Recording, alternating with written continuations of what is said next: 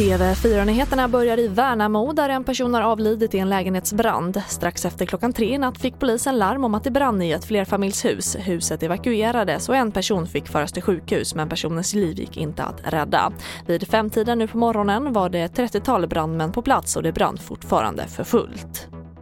Och den 17-åriga klimataktivisten Greta Thunberg ersätter idag Dagens Nyheters chefredaktör Peter Wolodarski. Och nästan hälften av tidningens 100 sidor ägnas åt klimatkrisen.